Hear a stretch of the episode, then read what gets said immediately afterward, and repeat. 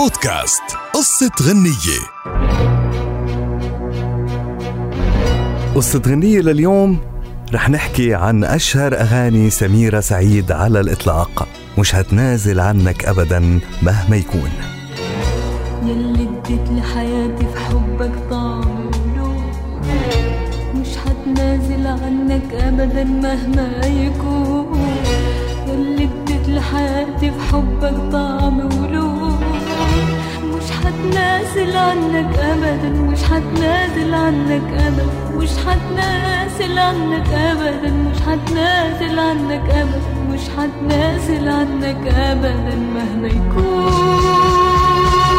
استعاد الشاعر والإذاعي الكبير عمر بطيشة ذكريات عمله مع سميرة سعيد بتقديم أشهر أغانيها اللي هي مش هتنازل عنك.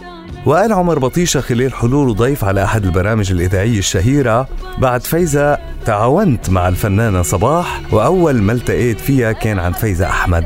وعم يحكي عن الصداقة اللي ربطت صباح وفايزة أحمد ومن ثم جاءت مرحلة سميرة سعيد واللي تعاونت معها بأغنية بعتبرها مفصلية بتاريخي وهي مش هتنازل عنك أبدا مهما يكون والتي أعلنت مرحلة جديدة من شخصية المرأة المصرية والعربية وعلاقتها بالمجتمع الآخر. تخلصنا بهذه الأغنية من شخصية المرأة المستسلمة المضطهدة المغلوبة على أمرها وجاءت السيدة اللي بتعلن عن حبها واختيارها وبتاخد قرارها باختيار حبيبها وتعلن للعالم عن هذا الاختيار والتمسك فيه وعدم التنازل عنه أبداً.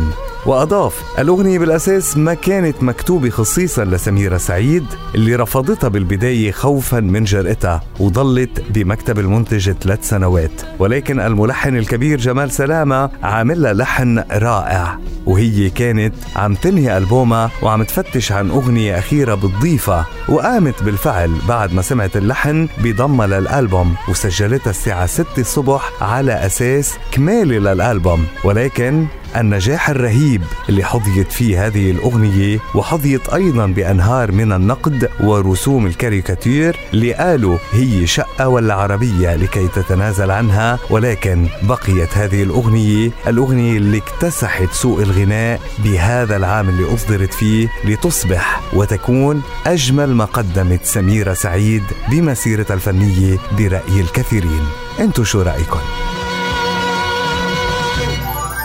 بودكاست قصة غنية.